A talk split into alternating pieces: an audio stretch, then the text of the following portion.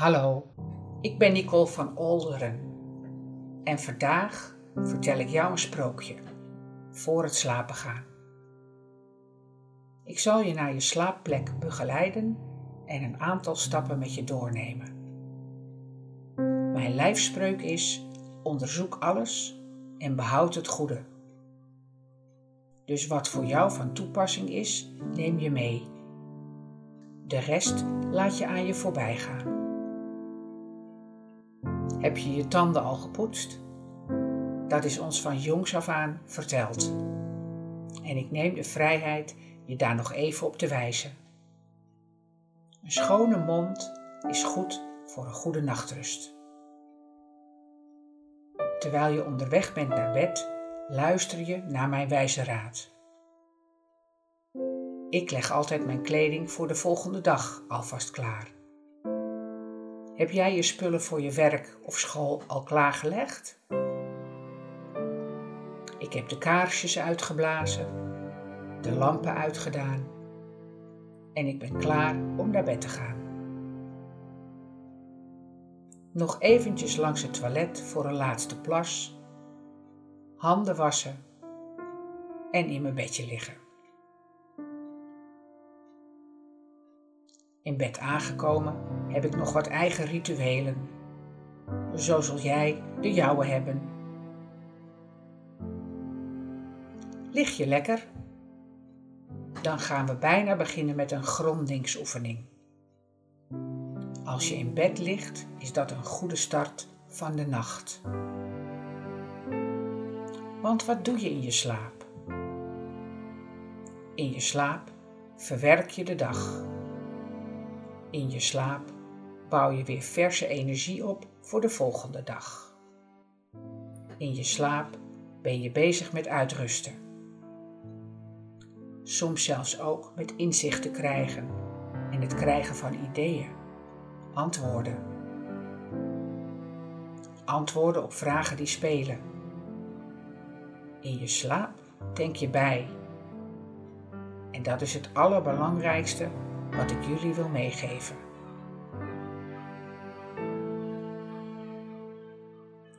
Oké, we gaan beginnen met de grondingsoefening. Ga lekker ontspannen liggen, het liefst op je rug. Leg een hand op je navel en de andere op je hart, links of rechts, wat je zelf het fijnste vindt. Haal rustig adem en ga met je adem diep naar binnen, achter je navel. Houd de inademing even vast en laat deze met een zucht los door je mond. Met iedere zucht land je meer en meer in je lijf. Doe deze ademhaling minstens drie keer op een relaxed tempo. Rustig in, met je adem diep naar binnen achter je navel. Houd de inademing even vast en laat deze met een zucht los door je mond.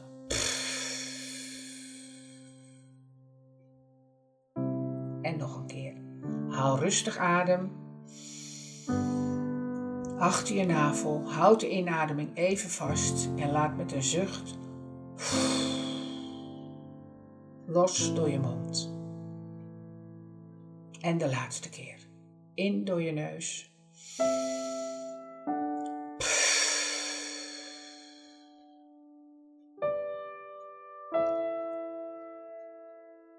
Ga dan met je aandacht naar je stuit. Die plek onderaan je rug net boven je billen. Bedenk, visualiseer of fantaseer dat je vanuit die onderste ruggenwervel, je stuitbordje, een grondingskoord van goud of zilver laat groeien. Ik zeg het nog een keer. Ga dan met je aandacht naar je stuit die plek onderaan je rug, net boven je billen. Bedenk, visualiseer of fantaseer dat je vanuit die onderste ruggenwervel, je stuitbotje, een grondingskoord van goud of zilver laat groeien. Dit gouden of zilveren koord is jouw verbinding met Moeder Aarde, Gaia. Door voor het slapen gaan je verbinding met de aarde weer aan te zetten, kan de energie makkelijker doorstromen.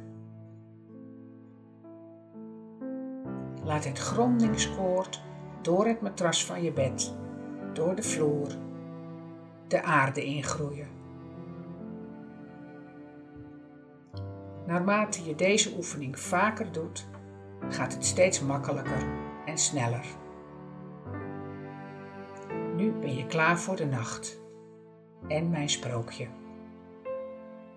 Een goede nachtrust helpt je voor de volgende dag. En daar ga ik met dit sprookje voor het slapen gaan mijn energie voor jou instoppen. Ik wens je een fijn sprookje. Hans en Grietje. Er waren eens een jongen en een meisje, die Hans en Grietje heten. Ze woonden in een klein huisje aan de rand van het bos. Hun vader verdiende de kost met houthakken en dat was zwaar werk. Ze waren erg arm en vaak gingen de kinderen samen het bos in om bosbessen te plukken en hout te sprokkelen. En dan nam Hans altijd kleine witte kiezelsteentjes mee. Die strooide hij op het pad en zodoende konden de kinderen altijd weer de weg naar huis terugvinden. Op een dag ging de stiefmoeder van Hans en Grietje mee het bos in. De kinderen kregen allebei een boterhammetje mee en toen, na een paar uur, een heleboel hout gesprokkeld hadden, mochten ze hun brood opeten en wat uitrusten. Moeder ging in de tussentijd vader wat helpen bij het houthakken en liet de kinderen alleen. Hans en Grietje brachten de tijd door met allerlei leuke spelletjes. Maar toen het begon te schemeren, hadden ze nog niets van hun ouders gehoord. Ze wachten en wachten, maar er kwam niemand. En eindelijk drong het tot hen door dat hun stiefmoeder hen met opzet in de steek gelaten had. En tot overmaat van ramp had Hans zijn kiezelsteentjes ook nog vergeten. O, o, hoe moesten ze nu naar huis terugkomen? Ze begonnen te lopen en te lopen, maar al gauw wisten ze niet meer waar ze waren. Het was ook zo verschrikkelijk donker in het grote bos. Als ze nou maar een plekje konden vinden waar ze vannacht konden slapen. Want Hans was ervan overtuigd dat ze verdwaald waren. De volgende ochtend probeerden Hans en Grietje het opnieuw. Maar weer viel de duisternis in zonder dat zij de weg naar huis hadden gevonden. Ze stilden hun honger met lekkere sappige bessen die in het bos volop groeiden. De derde dag zagen ze een mooie witte vogel. En nieuwsgierig volgden ze het beestje. En opeens stonden ze voor een klein huisje. Nee, geen gewoon huisje. Want toen ze dichterbij kwamen, zagen ze dat het van pannenkoeken gemaakt was. En de raampjes waren van suikergoed. Hmm. Hongerig braken Hans en Grietje een stuk snoep van het huisje af. Dat smaakte lekker zeg. Maar plotseling ging de voordeur open en het gerimpelde gezicht van een heks kwam tevoorschijn. Snel stopten Hans en Grietje de stukken snoepgoed achter hun rug. Maar wat was dat nou? De heks was helemaal niet boos dat ze van haar huisje aan het eten waren. Integendeel, de kinderen mochten zelfs bij haar slapen. En ze gaf hun ook nog een heleboel lekkers te eten.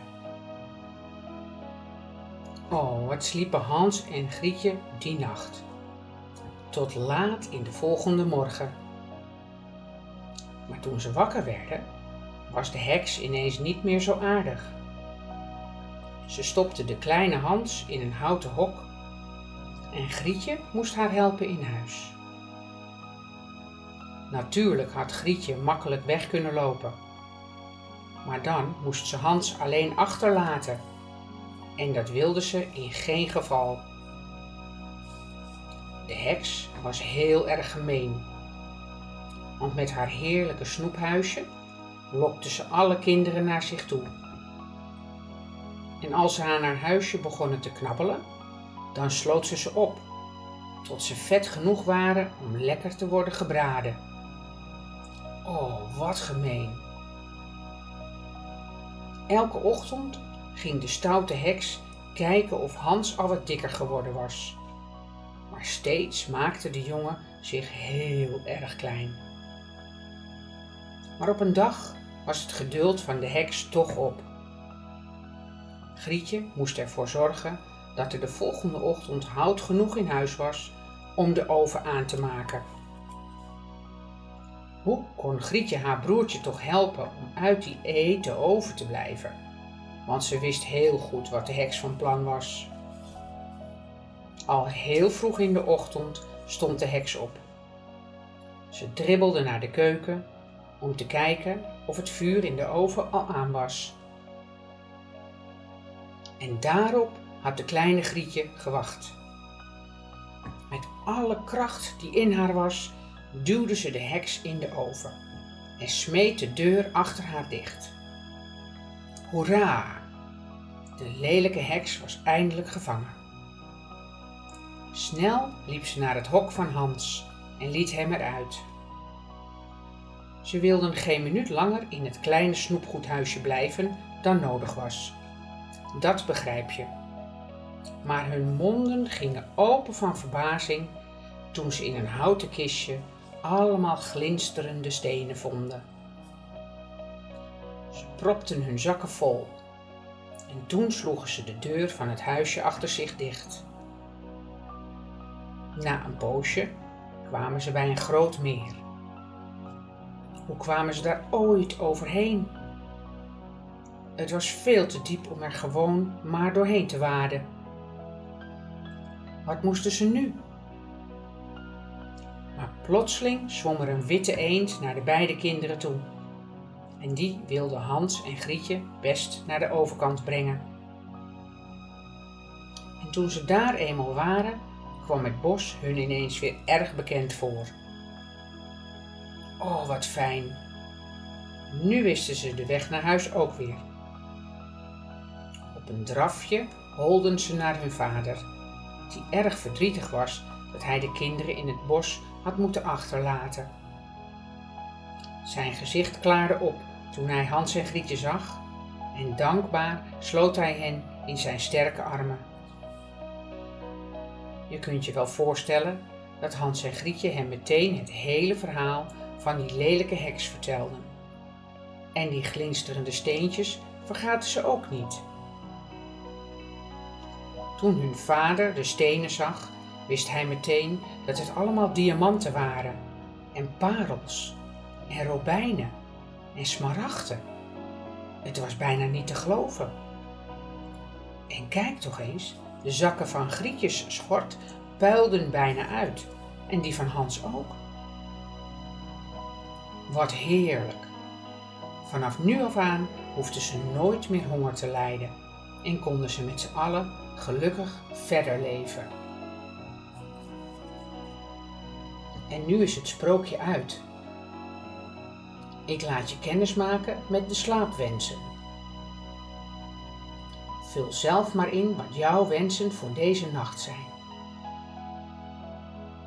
Ik wens voor jou dat je de rust ontvangt waar je lichaam mee kan opladen. Ik wens voor jou dat je geest zich kan ontspannen en kan verfrissen voor de volgende dag. Ik wens voor jou dat je positief deze dag afsluit en dankbaar bent voor alles wat je hebt ontvangen. Slaap lekker en wel te rusten van Nicole.